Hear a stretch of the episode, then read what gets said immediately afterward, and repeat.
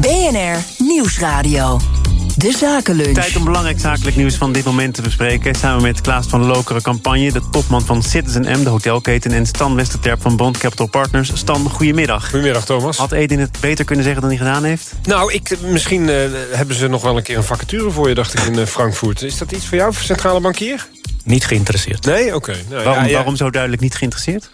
Uh, omdat je daar, in het geval van de ECB bijvoorbeeld... heb je te maken met te veel andere mensen die hele andere uh, denkbeelden hebben over wat uh, goed monetair beleid is. Ik denk dat ik me alleen maar mateloos zou gaan irriteren. Ja, dat, dat denk ik ook. Ja. Na, ja. na, de afgelopen vijf minuten ben ik daar wel van over. Nee, ik kan me wel voorstellen, in praktijk is het natuurlijk altijd lastiger dan zeg maar uh, um, ja, daar op, op, op, theoretisch niveau over te filosoferen. Want het is natuurlijk gewoon zo, er zit grote diversiteit, diversiteit tussen de, de schuldenratio's, ook van de verschillende landen natuurlijk. En je zal daar maar zitten met een paar Italianen en moeten beargumenteren dat de rente toch echt fors omhoog moet. En zij zien de problemen natuurlijk al. Neemt niet weg dat als je het niet doet, dat de problemen nog groter kunnen ja, worden. Stan, wij moeten ook van alles. En van alles, dat is nog eufemistisch uitgedrukt. Want wat een cijferlawine, ja, tsunami, joh. al die ja. termen die voorbij komen op super donderdag. Ja. Shell, Unilever, Unilever, Meta. Ja, het nieuws van Egon en ASR nog erbij. Het nieuws van Egon en ASR. Waar zit jij nu het liefst je tanden in? Wat wil je bespreken? Nou ja, ik denk dat Unilever wel aardig is om even aan te stippen... dat we he, weer de outlook verhoogd. Dat hadden ze al halverwege dit jaar gedaan. En nu wederom. He, uh, dan denk je, welke recessie? Maar he, dan zie je het alweer. Dit is natuurlijk een, een, een voedingsmiddelenconcern. Dus die kunnen de inflatie lekker mooi doorbreken. Je ziet heel goed, die prijzen weten ze goed omhoog te krijgen. Kan dat, want een Magnum heeft toch ook zo zijn waarde. En ja, op een gegeven moment power noemen ze dat, geloof ik. Hè? Ja, ja, ja dat. Er zit toch ook wel een maximum aan wat je voor een ijs nee, wil betalen? dat klopt. Dat is absoluut waar. Maar je ziet, daarom zie je dus ook dat ze kunnen de prijs wel verhogen... maar de volumes tegelijkertijd gaan wat naar beneden toe. Maar per saldo betekent dat dus wel dat de onderliggende omzetgroei... Uh, meer dan 8% gaat worden dit jaar. Waar normaal ergens Unilever tussen de 3, de 3 en de 5% zit. Maar was dit nou ongeveer conform verwachting? Ja, want je Ja, ziet ook aan de koers van het aandeel... dat verandert eigenlijk nauwelijks uh, uh, vandaag. Maar het zijn wel crescendo cijfers. En niet wat wij gewend zijn van, van dit bedrijf. Dus normaal is het veel lagere groei. En wat, wat, wat denk je dat dat dan uh, voor verklaring met zich meebrengt? Want Unilever is natuurlijk in een transitie, toch? Hè? Er is een activistische aandeelhouder. Er wordt gesproken over een ander organisatiemodel. De managers zijn eruit. Be- Begint dat dan ook zijn vruchten af te werpen? Nou, ik denk dat hebben, waarschijnlijk waar we het over hebben... dat noemen ze dan altijd zo mooi in strategische heroriëntaties... dat er wel een keer een, een fors onderdeel nog misschien uitgelicht gaat worden... of naar de beurs toe gebracht gaat worden. eh, Toch om meer focus aan te brengen. Dat is wel eigenlijk wat bedrijven sowieso in het, in het, uh, ja, in het bijzonder... dan Unilever nu, maar in het algeheel ook doen de laatste jaren... is steeds meer focus aanbrengen op één specifiek onderdeel... waar je heel erg goed in bent. Zoals Philips. Gaat Zoals. Philips, nou ja, die hebben dan de plank een beetje misgeslagen. Um, maar dat is inderdaad wel de trend uh, die we zien. Dus conglomeraten, dat is een beetje uit. Het, het, gaat erom dat je je focust op waar je goed op bent... en waar je, waar je in kan groeien en goede marges in kan halen. Uh, we gaan uh, naar waar misschien er ook weer enige groei mogelijk is. Of in ieder geval waar de beperking vanaf is, Klaas. Namelijk Heathrow, de grootste luchthaven van Europa... laat de beperking van het aantal reizigers eind deze maand los. Dat hebben ze ook al een paar weken geleden aangekondigd. Terwijl op Schiphol ook niet onbelangrijk, zeker niet voor de Nederlandse reiziger... en de hub die Nederland graag zou willen zijn... die beperking er nog is tot eind maart volgend jaar? Ja, dat begrijp ik uit het, uh, uit het nieuws vanochtend. En dat is natuurlijk uh, aan de ene kant in Engeland heel positief. En het is natuurlijk heel uh, treurig om te lezen dat Schiphol dat maar niet onder controle weet te krijgen. Ja, dat zeg je natuurlijk ook omdat je daar zelf iets mee te maken hebt als topman van een hotelketen. Waarom, waarom denk je, hè, zonder dat je nou per se heel erg direct daar in de keuken kunt kijken, dat het wel lukt in Londen en niet lukt in Amsterdam? Geen idee. Ik heb echt geen idee. En uh, het enige wat ik weet is natuurlijk, wij komen ook uit de recovery. En we wisten één ding zeker, die gasten komen een keer terug. En daar kan je klaar voor zijn. En we zitten over de hele wereld. We verdubbelden onze portefeuille ook nog eens in die tijd. Dus we hadden niet een recovery, maar ook nog een groei. En natuurlijk hebben wij ook personeel nodig. En wij wisten dat je niet meer kamertjes kan verkopen, dat je kan handelen. En dat lijkt me de basis. En uh, daar zijn we heel snel aan de slag mee gegaan. En we hadden beperkingen in Frankrijk, Engeland en Nederland. En die zijn maar van hele korte duur geweest. En we hebben nu geen beperkingen meer. Dus ik ben heel blij om te horen dat Heathrow dat heeft. En Heathrow heeft natuurlijk wel los van de corona-impact, die hebben die brexit-impact, dat hebben wij echt gemerkt aan alles, aan werknemers. Dus die zullen het bijna moeilijker hebben gehad. Dus ik nou vind het uh, dus onbegrijpelijk iets hoe dat. Uh... Ze zijn daar overigens nog niet helemaal hersteld. Hè. Als je het afzet uh, tegen het aantal reizigers, passagiers op Heathrow in 2019, komen ze nu op 60, 70 procent. Ja, 75 procent stond erin. Dus dan hoef je ook niet daar je hele organisatie op in te richten, want je zit nog niet op die 100 procent. Ja.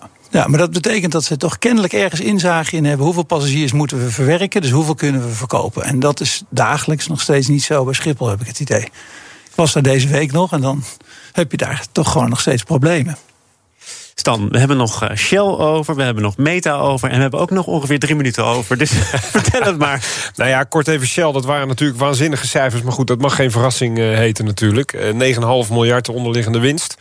En wat met name voor aandeelhouders natuurlijk fijn is... is dat het, uh, het dividend weer progressief uh, verhoogd gaat worden... met 15% in het vierde kwartaal. En ook weer een aandeleninkoopprogramma van uh, 4 miljard eroverheen. Dus waar we twee jaar geleden nog spraken over negatieve oliekoersen... Het, het, schrappen bijna van het dividend, of in ieder geval dat is toen 66% Een derde daarvan bleef daarvan over, ook onder Ben van Beurden. Historisch natuurlijk. Historisch is die nu toch weer langzaam aan, het, aan het opbouwen. Ehm, ja, en de beleggers die, die, die, die worden, daarvoor, worden daarmee beloond. En het aandeel staat dan ook zo'n 4 ja. hoger. Ik, ik, ik kwam die cijfers tegen en toch ook een beetje de teneur in de berichtgeving. Ja, de echt vette periode ligt alweer achter ons.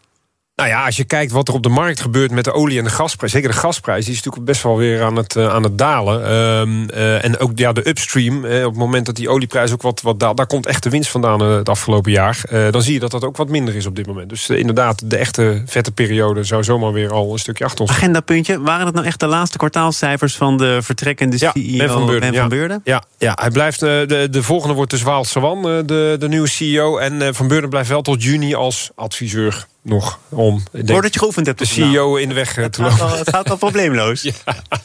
We gaan nog even naar heel ander nieuws. Uh, dat heeft uh, Klaas te maken met medicijnen en de houdbaarheid daarvan.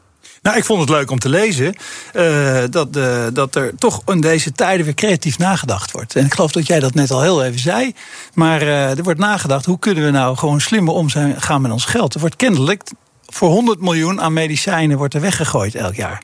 Ja, en dan denk ik, uh, dan vind ik dit leuk om te lezen in al dat moeilijkere nieuws. Zijn dat medicijnen die strikt genomen over de datum zijn? Of? Dat las ik, ja. ja, ik ja. Heb de, maar die gooi je dan misschien toch ook weg, omdat je denkt, ik weet niet helemaal... Of nou ja, kennelijk is er toch een langere houdbaarheidsdatum. Of er wordt nagedacht, ik, ik, ik kan, je kan alleen maar gissen wat erachter zit. Ik denk ook dat we gaan omgaan naar een wereld die iets meer ingericht is op wat een consument wil. En niet wat een producent wil verkopen. Want hoe vaak koop je niet doosjes medicijnen met 30 medicijnen waar je 10 voor nodig hebt? Dus ik hoop dat dat erachter zit, deze boodschap. Dat we langzaam gaan kijken, kunnen, kan het langer, kan het minder... kan het iets meer op de persoon toegespitst worden... dan kan je met minder heel veel meer bereiken met elkaar. Heb jij, Stan, tot slot nog een vraag voor Klaas? Ja, ik sloeg net even aan op die opmerking over dat, die beslissing... om naar een subscription model te gaan in de hotelbranche. Ik vond dat wel eigenlijk heel erg interessant. En mijn vraag is dan ook, ik ben van de cijfertjes... is dat ook een rendabeler model op lange termijn? Ja, ik denk dat de hotelindustrie is heel erg best een traditionele industrie. Heel gefragmenteerde industrie is het. Uh, en die zijn heel transactioneel. Gewoon, wat is mijn kamerprijs vandaag? Terwijl andere industrieën, die kijken allemaal naar eh, cost of acquisitions en customer lifetime values. En naar die kant op gaan is natuurlijk ontzettend slim en veel zinvoller om te doen. En we kennen alle modellen uh, met Prime van Amazon voorop.